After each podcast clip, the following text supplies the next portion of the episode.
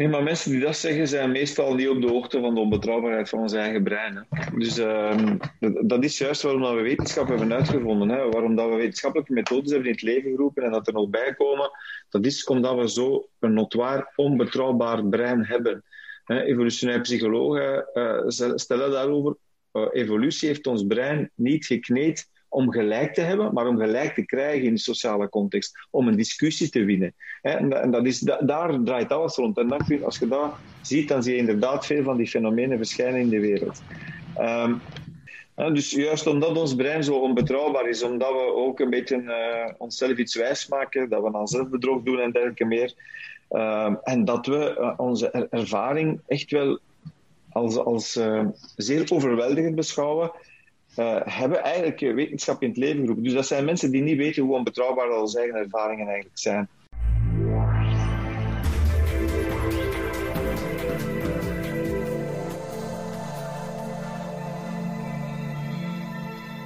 Safety Monk Podcast. Lotte hier. Hoe gaat het met jullie?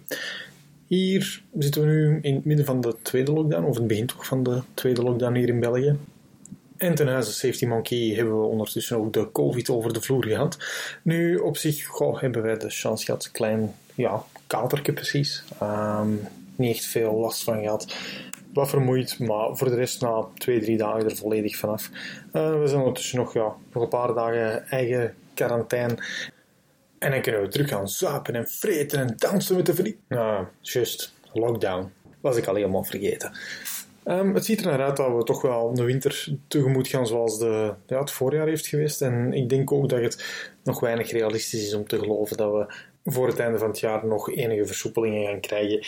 En dat het dus een kerst wordt met uw geliefde, enkelvoud in dit geval. Maar goed, het is wat het is en we zullen erdoor moeten. Ik denk als je kijkt naar heel Europa dat uh, de cijfers toch overal wel dezelfde richting uitgaan en dat dus op vakantie gaan er ook voor ons spijtig genoeg uh, niet in zat. Maar er zijn ergere dingen in de wereld. Je kan bijvoorbeeld een hele dag ja, gaan kiezen en hele nacht zijn wakker gebleven om te hopen dat je ondertussen wist wie dat de nieuwe president van Amerika ging zijn. En helaas, pindakaas. Uh, ondanks de voorgaande polls en de grote aankondigingen blijkt toch allemaal een dubbeltje op zijn kant te worden. Um, en ja, welke kant dat er valt, dat zullen we waarschijnlijk in de komende dagen te weten komen. Vandaag op de podcast hebben we Patrick Vermeeren van onder andere Skip. En Patrick legt vandaag op een toch wel heel duidelijke manier uit waarom dat pseudowetenschappen en al die niet-evidence-based verhalen, dat die toch wel schadelijk kunnen zijn. En heel vergaand en ook een heel persoonlijk verhaal dat Patrick vandaag komt vertellen. Zijn kwestie om kwakzalverij uh, uit de wereld te helpen, heeft er ook voor gezorgd dat um, ja, niet iedereen een grote fan is uh, van Patrick. En het is zelfs zo dat men uh, tegenwoordig bij een skip uh, door een bedrijfscoach wordt gedagvaard wegens Erof. En dat gaat over een duizelingwekkende 400.000 euro dat men eist, wat hallucinant is. Uiteindelijk, als je niets anders doet dan zorgen dat onderwerpen kritisch worden beoordeeld en dat je ze ook wel onderbouwd. Want ik denk dat dat een van de grote voordelen is dat Skip heeft. Um, is dat ze het heel goed onderbouwen van waar het komt met de nodige bronnen. Toch vreemd dat je wel eens niet eens je gelijk wilt halen in een redebank. En daar heeft Patrick het ook een stuk over vandaag. Over het verschil tussen gelijk krijgen en, en gelijk hebben. Ah enerzijds en anderzijds ook van hoe het komt dat ons brein ons zo misleidt en wat we eraan kunnen doen. Ik denk dat Patrick vandaag het heel sterk heeft over HR-topics. Um, en, en hij geeft daar een aantal testen bij die wel gekend gaan zijn door velen. Maar ook zijn kijk op wat ja, in veiligheidsland leeft, is wel heel duidelijk.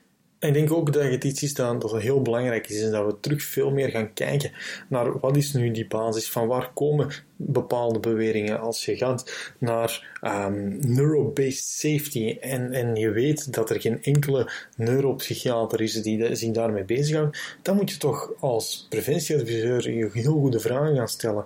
En ik begrijp dat gedrag en cultuur dat dat iets is dat, waar heel veel kwakzalverij in kan bestaan, omdat er heel veel dingen worden aangenomen omdat ze goed klinken. Patrick neemt ons vandaag vooral mee naar die evidence-based kant en daagt ons ook uit om kritischer te worden ten opzichte van hetgeen dat we krijgen.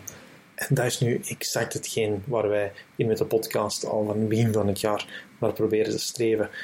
En dat is om iedereen te helpen om dingen aan te reiken waardoor dat kritisch denken kan blijven gestimuleerd worden en waardoor dat mensen blijven verder denken en blijven verder kijken. Willen jullie Patrick en Bart een hart onder riem steken en hen helpen in die quest om de waarheid boven te halen. Wel, doneer dan op de site van Skip. Giften zullen gebruikt worden om de nodige stappen te kunnen bekostigen om de rechtbank en eventuele overschotten zullen aangewend worden voor educatieve projecten bij Skip en voor het International Legal Defense Fund dat is opgezet door internationaal sceptische gemeenschappen. Anyway, ik denk dat vandaag een aflevering is die heel breed gaat, maar anderzijds ook wel heel goed de kern van het probleem tegenwoordig raakt. Hier is Patrick Vermeeren, de Safety Monkey Podcast.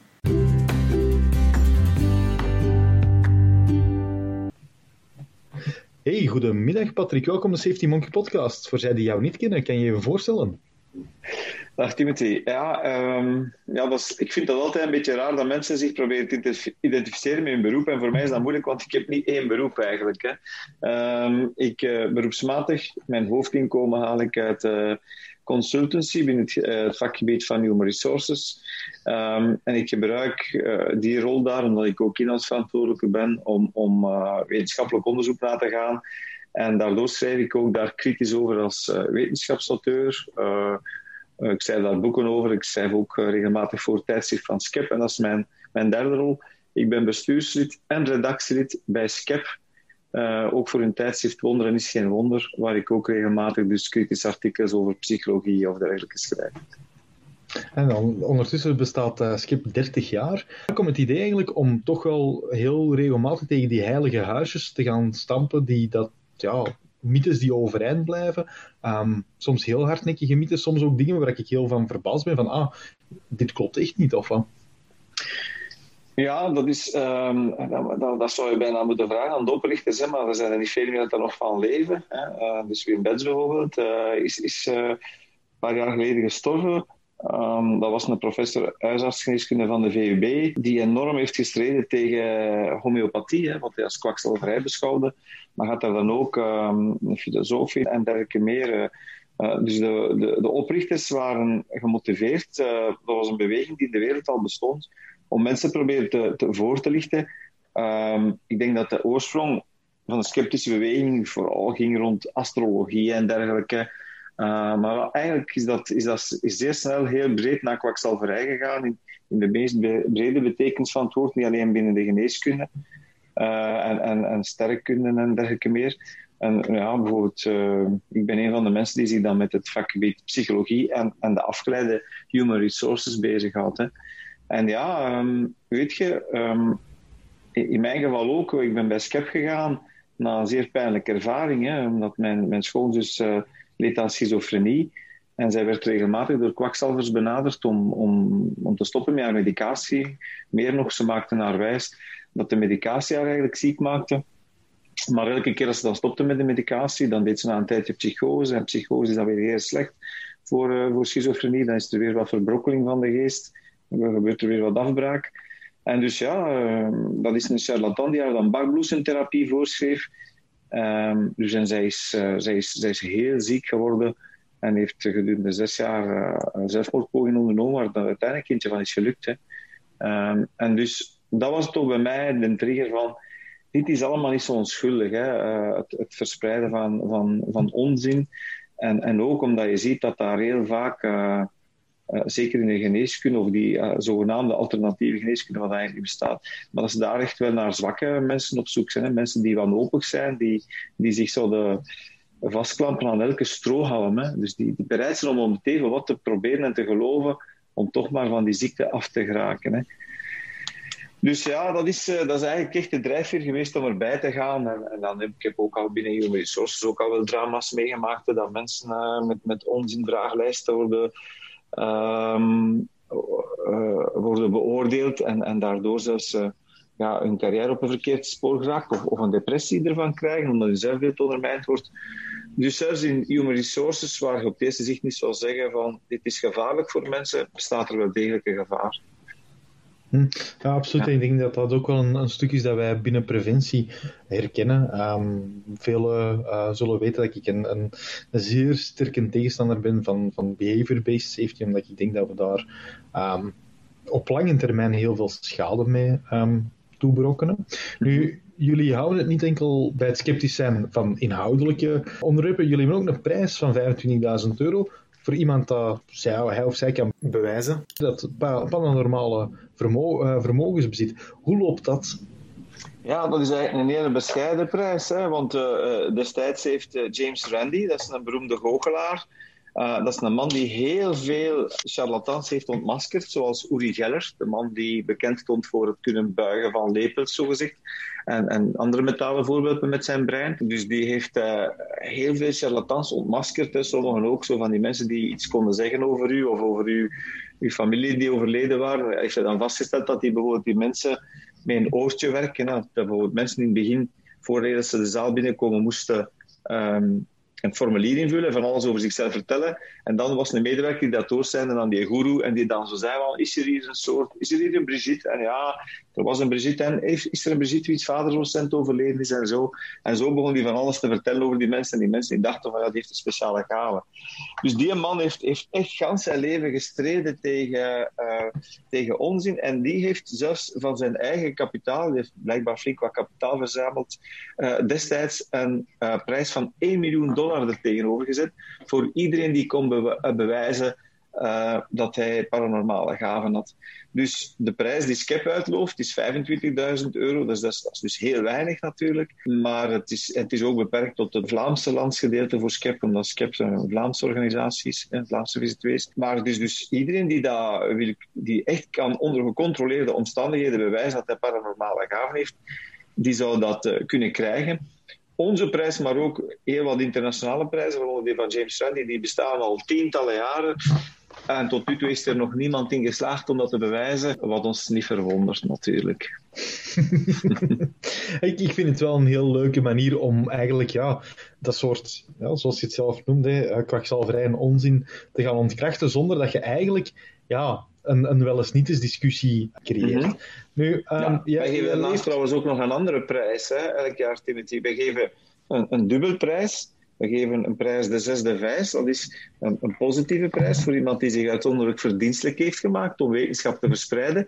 Maar we geven elk jaar ook een sceptische put, een soort sceptische put, een vergeetput, hè, uh, voor, voor mensen die zich verdienstelijk hebben gemaakt om onzin te verspreiden. Hè. Dus uh, je moet maar eens op de website van Skep gaan kijken wie er allemaal het afgelopen jaar die prijs heeft gekregen. Hè. Binnen Human Resources heeft er een paar jaar geleden nog een bedrijf uh, de prijs gekregen omdat ze nog met schedelkunde en gelaatskunde bezig waren om iemand uh, zijn persoonlijkheidsprofiel in kaart te brengen.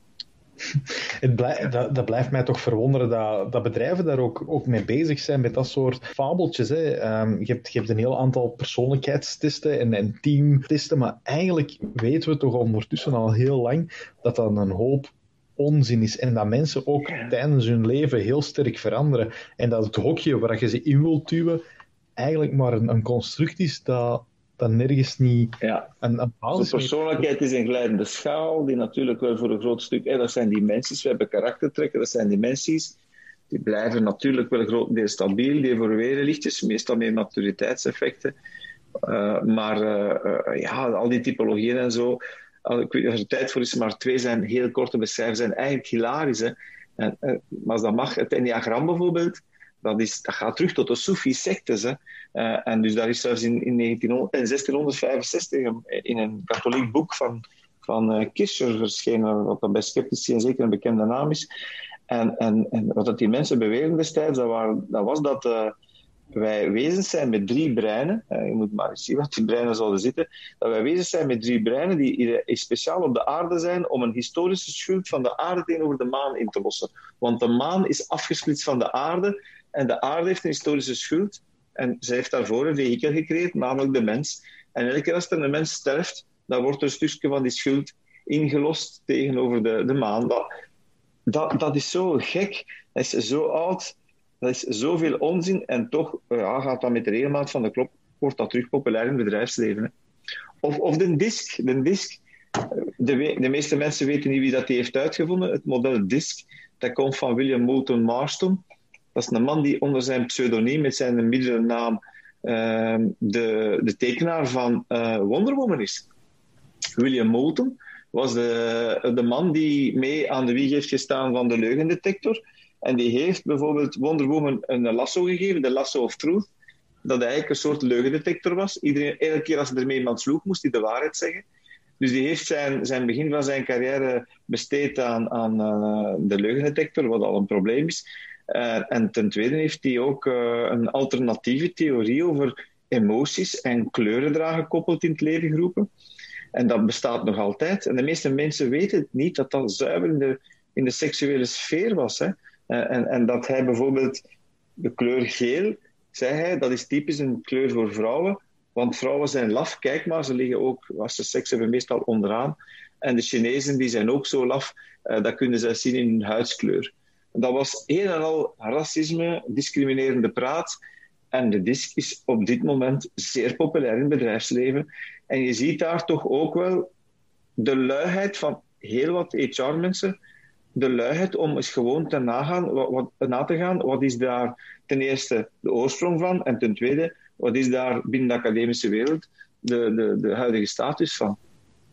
Hm. Dat is echt en wel waanzinnig. Is, ja, en dat is pijnlijk herkenbaar. Nu, ik kan me nu niet direct inbeelden dat Heinrich stripfiguur heeft uitgevonden. Dan moet ik eens vragen aan Karsten, misschien dat hij dat weet. Maar um, het, is, het is binnen ons vakgebied ook pijnlijk dat oude theorieën blijven bestaan. Hè. Um, heel vaak wordt Maslow er nog, nog bij getrokken hè, met zijn, zijn hiërarchie uh, of niet. Ja, we weten ondertussen al jaren dat dat eigenlijk niet zo standvastig en stabiel is, heel dat model. En toch blijven we daarin geloven. Waarom zijn mensen daar zo vatbaar voor? Oh, um, ik vind dat, dat altijd zeer moeilijk. Ik heb er al uh, ook binnen Skep en samen met Johan Braakman en Maarten Baudry heel veel rond gedaan en geschreven.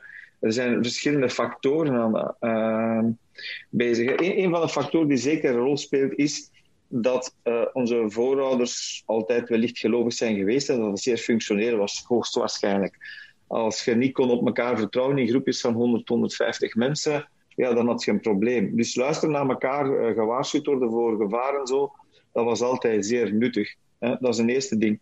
Ten tweede is ons brein ook, uh, ja, dus Margriet Sitsko, een, Nederlandse neuropsycholoog, heeft daar een boek over geschreven. Um, ik weet de juiste titel van het boek niet meer, maar het ging in elk geval over het feit dat eigenlijk ons brein probeert luid te zijn. Hè? Dat, dat je niet gaat extra energie spenderen als het gemakkelijk ook kan. Dus natuurlijk, als je kunt vertrouwen op iemand, een autoriteit of iemand die zich als expert voordoet, dan ga je zeggen, oké, dat is de gemakkelijke weg. Ja, dus als je moet alles zelf gaan uitzoeken, dan zijt je inderdaad heel veel tijd kwijt, zoals ik zelf heb mogen ervaren om mijn laatste boek te schrijven. Uh, um, dus daar kruipt ontzettend veel tijd in. Dus die aangeboren lichtgelovigheid en die aangeboren luiheid van ons brein, van, van niet te veel energie, ook efficiënt proberen te werken. Ja, die, dat zijn natuurlijk al twee hoofdverklaringen. Hè. En dan komt er nog bij, uh, komen er nog aspecten bij, zoals onze coalitiepsychologie. Een keer dat we van iets overtuigd zijn en dat we ons identificeren met gedachtegoed van een bepaalde groep, ja, dan zijn we geneigd om dat tot in den treuren te verdedigen, hè, dat gedachtegoed. Dus eens dat mensen van iets overtuigd zijn, geraken ze er zeer moeilijk uit. En je hebt er al uh, het, het, fenomeen van cognitieve dissonantie, maar je hebt dan ook nog een keer die, die, het feit dat je tot een groep behoort met hetzelfde gedachtegoed. Dan maakt het zeer moeilijk. Hè? Maar het begint natuurlijk ergens, mee, ergens begin in te geloven. En eens dat je vertrokken bent, wordt het zeer moeilijk om er vanaf te geraken. Hè? Hm. Uh, spendeert men dan in, in hogescholen en universiteiten te weinig tijd aan, aan dat kritisch denken? Want als in, sommige, naar... in sommige alleszins, hè, uh, in sommige alleszins maar binnen de tak van de psychologie, ik, ik ken daar nu toch het een en ander van, hè, omdat ik met mensen van de VUB in contact ben, maar ook uh, uh, twee dochters heb die allebei psychologie hebben gestudeerd. De ene klinisch en de andere arbeidspsychologie. En dan nog in andere universiteiten, de ene in Leuven, de andere in Gent. Uh, daar probeert men grotendeels toch wel dat kritisch denken erin te brengen. Hè. maar in human resources bijvoorbeeld is dat al veel minder of in managementopleidingen is al veel minder. Um, dus je ziet heel vaak uh, dwaze psychologische modellen die men absoluut in de uh, psychologische vakgebieden niet meer doseert of daar smalend over doet, ziet men toch nog in andere uh, vakgebieden van de universiteit opduiken. Hè. in economievakken of dergelijke, of, of bij business schools. De, de, business schools, dat is een ramp, overal ter wereld. Uh, ofwel doen ze Belbin in Zwitserland, ofwel doen ze MBTI in Gent. Uh, ja, dus dat is, overal ter wereld zijn de business schools toch ook wel verspreiders van ons. Hm. Ja, en, en wat mij bij preventie heel vaak opvalt, is dat we um, de nieuwste dingen, dat zijn, dat zijn dingen die bij HR zelfs al achterhaald zijn. Dus, dus bijvoorbeeld, nu is, is het redelijk bon dat, dat we een, een, visie moeten hebben, een gedeelde visie die, die zeer belangrijk en zeer verlichtend is. En toch, toch wel heel herkenbaar vanuit, vanuit HR. Maar ook dat we bijvoorbeeld dat iedereen de, de, de leider moet worden. En dan denk ik van ja, maar dat hebben ze in, in HR al jaren geprobeerd en we weten dat bepaalde mensen die leiderschapsrol niet op zich gaan nemen. En dat is ook oké en gelukkig, want ik denk als iedereen leider zou zijn, dat dat schip naar alle kanten zou gaan. Wat kunnen we eraan doen om daar veel kritischer tegenover te staan? Hoi, wel, uh, dat is wat Skep ook probeert te doen en dat ik ook uh, daarnaast probeer te doen. Dat kun je niet anders doen als voorlichten, voorlichten, voorlichten. Um, maar um, ja, het is een, klein beetje dramatisch. Um, ik, weet niet juist meer zijn naam, maar er is een, een, meneer geweest die op Twitter een mooie spreuk heeft gedaan. Uh, the amount of energy it takes to refute bullshit is of a magnitude greater than the one to produce it. Dus uh, ja, bullshit kun je, zo creëren. Je kunt echt fictieve verhalen creëren. Maar om te gaan weerleggen dat iets fictief is, moet je zoveel moeite doen. En je moet theorieën, je moet opzoekingen doen. Je moet hen vragen, wil je het voorleggen? Dat willen ze dan al vaak niet doen. Dus ze maken het je moeilijk. Dus het is, uh, je moet ook nog voorzichtig zijn, hè, want, want je kunt gedagvaard worden als je je onderzoek niet goed doet. Dus ja, wat, kunnen we daaraan doen? Uh, ik denk dat het vooral in het curriculum, uh, in de scholen, veel meer moet aan bod komen. Hoe dat we ideeën oppikken, hoe gevaarlijk het is om niet kritisch te zijn, hoe dat, die gevaarlijke memes kunnen beginnen zich verspreiden. Dus ik denk dat we in school wel, wel te veel aandacht hebben voor bepaalde vakken Terwijl voor hoe dat we psychologisch in elkaar zijn en welke gevaren dat eraan zitten, uh, onze lichtgelovigheid, die, die coalitiepsychologie, die kan leiden tot uh, in-groep superioriteitsgevoelens versus uh, de oudgroep als de minder beschouwen. Ik vind dat we daar um, wel wat laten liggen in het onderwijs. Hè? Om mensen streetwise te maken, om, om, om, om, om zich te wapenen tegen tegen de vele onzin die toch, laten we een kat en kat noemen, als je kijkt naar de, de, de, verdeling van eerlijkheid. Er zijn ook veel oneerlijke mensen die er constant op uit zijn om mensen te bedriegen. Daar worden zelfs bedrijven opgericht om, om, om mensen eh, geld uit de zakken te lokken. Uh, phishing, wat bestaat er allemaal niet. We mogen niet naïef zijn. Er zijn ook gewoon mensen die van de zwakheid van de mens proberen te gebruik te maken om, uh, om zelf rijk te worden. Hè. Ja, absoluut. En een van de um, zaken waar we er straks over ook uh, hebben gehad, is dat um, hebt een context van discovery en een context of proof. En vaak worden er heel goede ideeën gelanceerd. En ik denk dat, heel veel ideeën goed beginnen en goed bedoeld beginnen. Ik denk zelfs dat mensen die in een tijd die Enneagram um, hebben opgemaakt, dat dat ook met de beste bedoelingen was. Ik denk niet dat men um, daar al direct de, de misbruik van, van wou gebruiken. En misschien is dat wel een extreem voorbeeld in dit geval met de drie breinen waar loopt het dan fout als we dan, je hebt, je hebt iets ontdekt, je hebt een idee, je hebt dan hè, het, feit dat wij dan blijkbaar een, uh, bepaalde schuld hebben aan de maan. Waar, waar loopt het dan fout in, in die, in die um, context of proof? ik, ik, denk dat er um, heel veel van die modellen, als je ziet, die, die, of, of, proponenten van die modellen, die verwerpen eigenlijk heel vaak de wetenschappelijke methode. Omdat ze er al misschien, omdat het onderzocht is en dat verworpen is, dat zij dat niet willen, omdat ze er willen in geloven, omdat ze geld mee verdienen. Um, dus, dus zij gaan al helemaal niet zo um, wetenschapsfilosofisch te werk dat ze zeggen: Oké, dit is mijn idee van de wereld, nu ga ik hypotheses vormen, dat is mijn context of discovery elke goede wetenschap begint met te gokken. Hè? Dus je moet dat doen. Eerst een, een weloverwogen gok van het zou zo in elkaar kunnen zitten. En dan ga je vervolgens dat heel rigoureus, zoals hij zei, gaan moeten onderzoeken. En, en dat doen die mensen niet. Die zijn zo diep overtuigd van hun eigen, zoals de platte aarders ook. Dat is, ik heb er onlangs een boekje van een collega Skepper over, over gelezen, Frank Verhoofd. Ja, dat zijn echt wel mensen die daar die daar vast van overtuigd blijven, ondanks alle bewijs dat de aarde wel degelijk plat is. Hè. Die, die, gaan dan, die gaan dan complottheorieën bedenken, dat die foto's die genomen zijn door die mensen die naar de maan zijn gereisd, dat dat fake is en zo. Hè. Die gaan dus bewijzen dat, dat de schaduwen op de maan verkeerd vinden met die vlaggen. Die doen van alles, die gaan van alles uh, uitvinden om toch maar te zeggen van kijk, dat is een groot, complot. Je kunt die elite niet vertrouwen. Wij zijn niet de elite. Wij zijn de echte kritische denkers. En kijk, wij hebben een alternatieve theorie en die zit zo in elkaar. Maar ze zijn helemaal niet zo kritisch naar hun eigen theorie. Dus die, ze verlaten eigenlijk nooit de context of discovery. Ze gaan nooit echt een keer gaan toetsen. Klopt dat nu wel? Uh, dus ze hebben om een of andere reden het kritisch denken achterwege gelaten. Maar ja, ze zitten wel vaak in, in een groepje van gelijkgestemden waar dat zij hun identiteit uithalen waar dat ze zich uh, moreel superieur kunnen voelen voor de anderen, zich slimmer kunnen achten, zich de ware critici kunnen voelen. Bizar hoe dat de mens in elkaar zit. We hebben een heel complex brein. Uh, dat, dat, uh, Robert Trivers, een fantastische evolutiebioloog, die heeft een boek geschreven, The Folly of Fools, waarin hij de hypothese, hij is duidelijk, de hypothese aanhaalt waarom dat we zo vaak aan zelfbedrog doen. Maar die mensen doen fundamenteel aan zelfbedrog. Ja. ja, dat is best en inderdaad ook dat sommige dingen die toch al wel redelijk vaststaan en bewezen zijn, dat, dat die nog altijd worden meegenomen. En binnen, binnen preventie ziet je daar, en met behaviorisme, dat dan uiteindelijk gemaakt wordt, eigenlijk afstand van, vanuit, psycho, van, vanuit de psychotherapie, waarbij dat um, fobieën en, en uh, bepaalde verslavingen mee worden um, ja, geheeld is misschien het foute woord, maar um, worden uh, behandeld. En dan gaan we dat gebruiken, uh, een, een, theorie dat op duiven is, is gebaseerd, gaan we gebruiken in heel complexe situaties. Nu, een van de commentaren die ik vaak wel krijg is van ja, Timothy, jij, jij, jij zegt dat dat allemaal niet goed is, maar ik zie toch dat het, mhm. ik zie toch dat het werkt en als het voor mij werkt, is het toch goed. Daar ben jij niet, die, die mening ben jij het niet eens, hè? Nee, maar mensen die dat zeggen zijn meestal niet op de hoogte van de onbetrouwbaarheid van ons eigen brein. Hè. Dus uh, dat is juist waarom we wetenschap hebben uitgevonden. Hè. Waarom dat we wetenschappelijke methodes hebben in het leven geroepen en dat er nog bij komen. Dat is omdat we zo een notwaar onbetrouwbaar brein hebben. Hè. Evolutionaire psychologen uh, stellen daarover.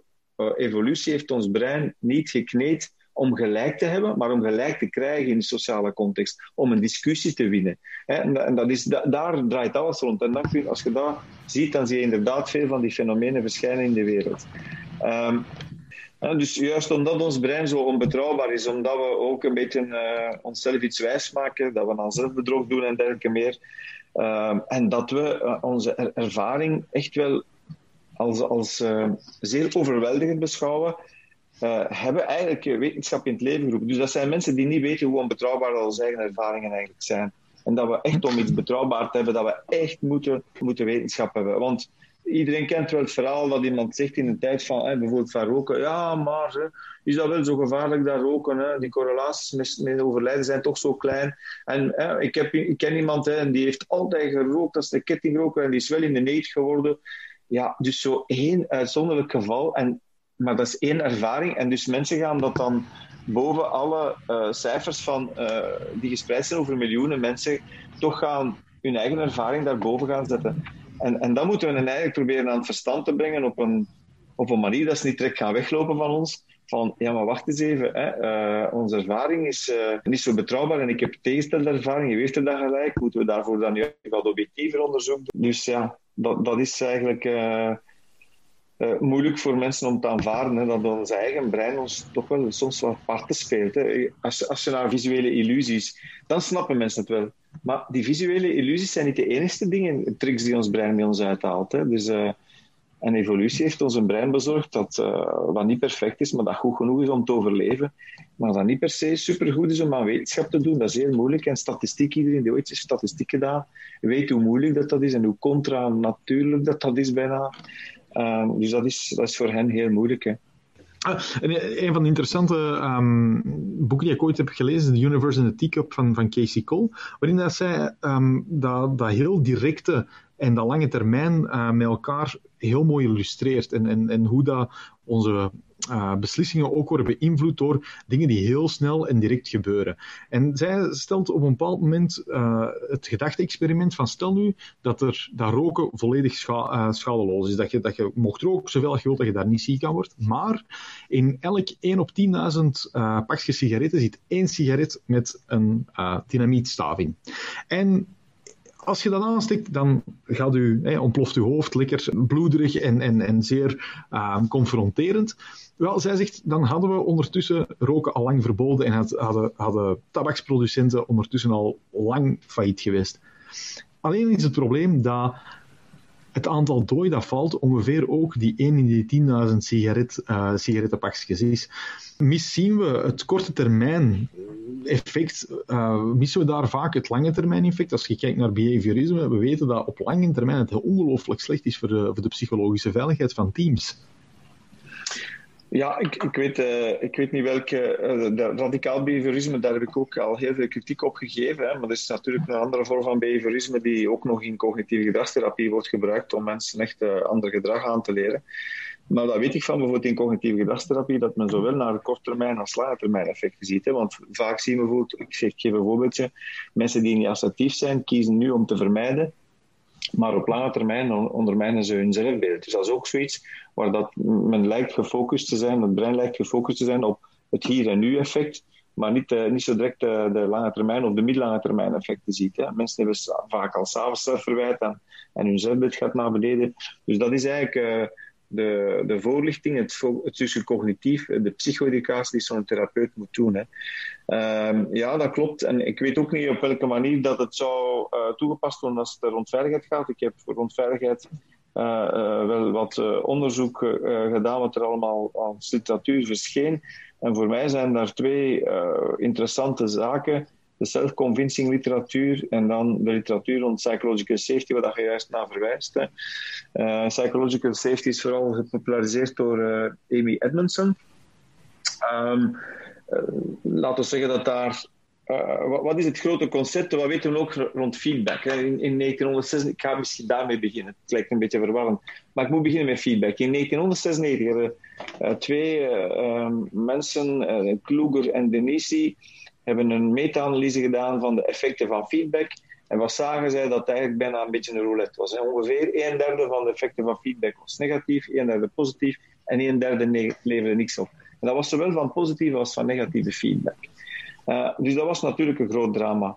Sindsdien zijn er inspanningen gebeurd om te zien wanneer werkt negatieve feedback wel en wanneer werkt positieve feedback wel. En bijvoorbeeld, wat blijkt er nu? Ze noemen dat ook prohibitive voice en um, promotive voice. Dat een positieve sfeer creëren en, en mensen aanmoedigen en, en, positieve emoties creëren, dat is prohibitive voice. Dat werkt om mensen meer productief te laten zijn. Dat is de, promotive voice, dat, ja. Ik weet niet wat ik juist gezegd maar dat is in elk geval promotive voice. Prohibitive voice daarentegen, dat is eigenlijk dat je durft een verbod zeggen, dat je mensen durft zeggen, opgelet, pas op. En dat blijkt juist beter te werken bij veiligheid. Dat is ook niet onlogisch voor mij, want als je nu elke dag in een onveilige situatie moet werken, in een fabriek waar bijvoorbeeld, eh, denk aan de, aan de grote metaalverwerkende nijheid, waar chemie, hoge, uh, zware gewichten, waar hete temperaturen zijn en zo. Als je daar alle dagen in loopt, dan, dan treedt er gewenning op. Dus om iedereen scherp te houden, moet er een soort gedeeltelijke waakzaamheid komen. En dat kun je alleen maar doen als iedereen elkaar durft aanspreken en durft corrigerend optreden. Dat is die verbiedende stem, die prohibitive voice. Uh, maar daarvoor is er dan weer een andere vereiste. Daarvoor moet er natuurlijk voldoende psychologische veiligheid gecreëerd worden. dat mensen geen schrik hebben van hun collega's aan te spreken. Dus dat is enerzijds psychologische veiligheid binnen de groep. Zal ik hier dingen kunnen zeggen zonder dat ik een bras krijg met mijn collega's? En ga ik ook mijn eigen leidinggevende kunnen aanspreken zonder dat die met mij gaan afrekenen. Dus die psychologische veiligheid, dat is wel iets dat je moet verdienen. Hè? De grote bedenking die ik daarbij heb is van, is dat wel echt te bereiken 100%, omdat mensen van nature schrik hebben van hiërarchie. Ook een erfenis vanuit ons evolutionair verleden. Wie kon er ons gemakkelijkst uit een groep gooien? Dat was de leidinggevende. En uit de groep gegooid worden voor ons, voor ons voorouders, dat was dramatisch, want dan ging er waarschijnlijk dood. En dan kon het een prooi van een vijandige stam, of van een hyena, of van een leeuw. Um, Dus die psychologische veiligheid is, is, is uh, uh, niet, uh, niet zo gemakkelijk te bereiken. Maar in elk geval, voor acute gevaar moet je mensen onmiddellijk kunnen aanspreken. Daar waar het aankomt op um, het, het kunnen overtuigen van mensen van het belang van veiligheid en van het naleven van de procedure, is er een methode ontwikkeld die self-convincing uh, noemt, of uh, self-persuasion, ook onder die naam. En dat is interessant, waarbij dat je eigenlijk mensen zelf laat nadenken over een aantal stellingen die fout zijn. Bijvoorbeeld, het is niet aan mij om mijn collega's aan te spreken over veiligheid. Uh, en dat je zegt tegen de mensen expliciet, kijk, volgens ons is dit een slechte stelling. Wij vinden dit een slechte stelling. We zouden graag hebben dat je subgroep jezelf eens gaat nadenken waarom dat dan een slechte stelling is. Dus bedenk eens argumenten die eigenlijk tegenargumenten zijn voor die stelling. Dus geheel transparant gaan mensen op zoek naar tegenargumenten. En zo uh, ja, creëren ze voor zichzelf ook eens een, een ander geluid, gaan ze in andere schoenen staan en overtuigen ze zichzelf stilaan van het belang van veiligheid en van elkaar aan te spreken. En komen ze met argumenten af van ja, wat is nu belangrijker? Hè? En dat ik even een collega aanspreek dat hij een beetje lastig is op mij, maar ik heb wel zijn leven misschien gered. Hè? Dus dat leven is wel belangrijk en dat gezinsleven erbij. Dus maar mensen, mensen worden niet graag overtuigd door iemand anders. Denk maar aan de verhaal die we juist zitten vertellen hoe moeilijk het is van mensen om van een idee af te geraken. Maar als ze zichzelf kunnen overtuigen, dan lukt dat veel beter. En, um, en daar zie ik veel meer heil in. En we hebben dat ook uh, we hebben gaan zoeken in welke, welke context dat zelfconvincing allemaal al is toegepast. Dat is binnen gezondheidszorg toegepast. En, en we zijn daar nu ook volop mee aan het experimenteren om dat op veiligheid toe te passen.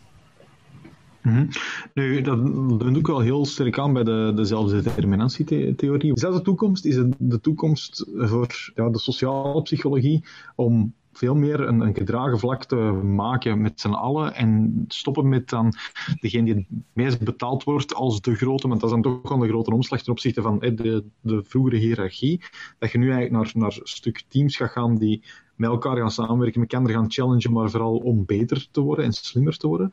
Um, misschien ook een stukje wat Spotify ondertussen ook al langer aan doen is, uh, daarmee aan het experimenteren. Um, is dat de toekomst waar we naartoe gaan? Maar heb je het expliciet over zes sturende teams of zo? Ja, ja. ik denk dat ook ja, zes sturing, daar geloof ik absoluut niet in. Ja. Allee, dat, is, dat is geen kwestie van geloof. Ik heb gewoon naar de feiten gekeken. Uh, naar de pogingen die er wetenschappelijk zijn ondernomen, maar ook naar de anekdotische verhalen die me zo vaak opzoffert. Um, en ik ben spijtig genoeg tot mijn scha en schande, want in 2006 was ik nog helemaal mee met dat verhaal, 2009. Ik heb nog in mijn boek Anders Leiden uh, een beetje de, de lof gezongen van uh, um, Ricardo Semler en zijn bedrijf in Brazilië, Semco. Maar van Semco schiet nog 80 mensen over en dat is een investeringsmaatschappij geworden. Dus al die verhalen over zelfsturing en zo. Uh, en als je ziet naar de wetenschappelijke literatuur, lukt dat bijna niet. Mensen hebben niet behoefte aan slechte leiders, maar ze hebben wel behoefte aan aan goede leiders. Hè. Ik denk, uh, een dame was nu Gloria Steinem, ik weet niet juist, zei van, de probleem is dat the opposite of bad leadership is not no leadership, it's good leadership. Dus en dat is, dat is iets wat inderdaad voor mij volledig klopt. Wat je bijvoorbeeld ziet als uh, zelfsturende teams, daar wordt uiteindelijk door mensen de leiding genomen. Meer nog, vaak door mensen die, die beter de leiding niet zouden nemen. En bijvoorbeeld, er gebeuren echt ongelukken, zoals groepen die collega's zwaar en excessief gaan straffen als ze niet in de pas lopen voor, volgens de groepsnorm. Dus er is een, een hele zware groepsdruk, groeptink, die ontstaat. En dus uh, ja, er zijn ook al, al, al gigantische kemelboeken over verschenen, zoals Reinventing Organizations van Frederik Laloux, die ook al op bladzijde 3 beweert dat we drie breinen hebben. Uh, of, of, of Lars Collins met het spaghetti-model van Oticon, terwijl Oticon ook uh, een paar keer op de rand van het faillissement gestaan heeft, uh, waar dat, dat spaghetti-model ook wel verantwoordelijk zou voor zijn. Um, dus uh, de, op dit moment is de wetenschappelijke evidentie, ontkracht hij dat helemaal. Bij mij staat ook in mijn laatste boek een van de mythes, hè, zelfsturende teams en de leaderless organizations. Dus, maar, maar dat neemt niet weg dat inderdaad we goede leiders moeten hebben en goede leiders die moeten effectief zoveel mogelijk psychologische veiligheid creëren. Hè toch even terug naar de definitie van psychologische veiligheid. Psychologische veiligheid is ideeën kunnen geven en kritiek kunnen geven zonder dat je moet schrik hebben dat, je, dat er wraakacties tegenover je gaan genomen worden door je leidinggever, door je groep. Hè. Dus dat soort psychologische veiligheid moet er wel gecreëerd worden, maar daar hebben we weer een leider voor nodig. Een leider die, die bijvoorbeeld toestaat dat iemand een afwijkende mening heeft en dat die groep hem niet direct corrigeert, dat die niet direct onderworpen wordt aan hoongelak van zijn collega's. Dus je hebt daar juist sterke leiders nodig die die processen goed kunnen begeleiden, zodat die vrijheid van meningsuiting, dat die vrijheid van uw gedachten en kritiek te uiten, dat die psychologische veiligheid wordt gegarandeerd.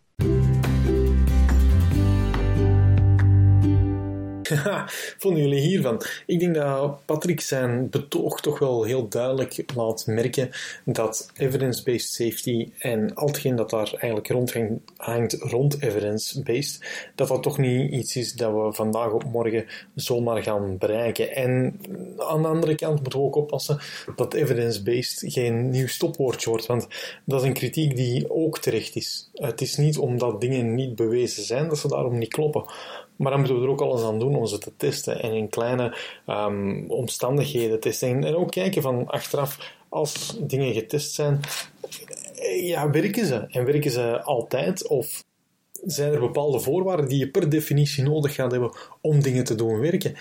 Een one size fits all werkt niet en dat weet iedereen. En toch kopen we nog steeds dezelfde programma's van goeroes die vertellen dat veiligheidscultuur het nieuwe uh, verhaal is en ondertussen zo aan nummer 526.3 zitten. En toch blijkt die veiligheidscultuur dan plotseling overal hetzelfde te zijn. Wat toch wel heel gek is. Dit was het weer voor deze podcast. Vertel door aan je collega's en vrienden, abonneer je, blijf nieuwsgierig, stel alles in vraag en tot de volgende podcast.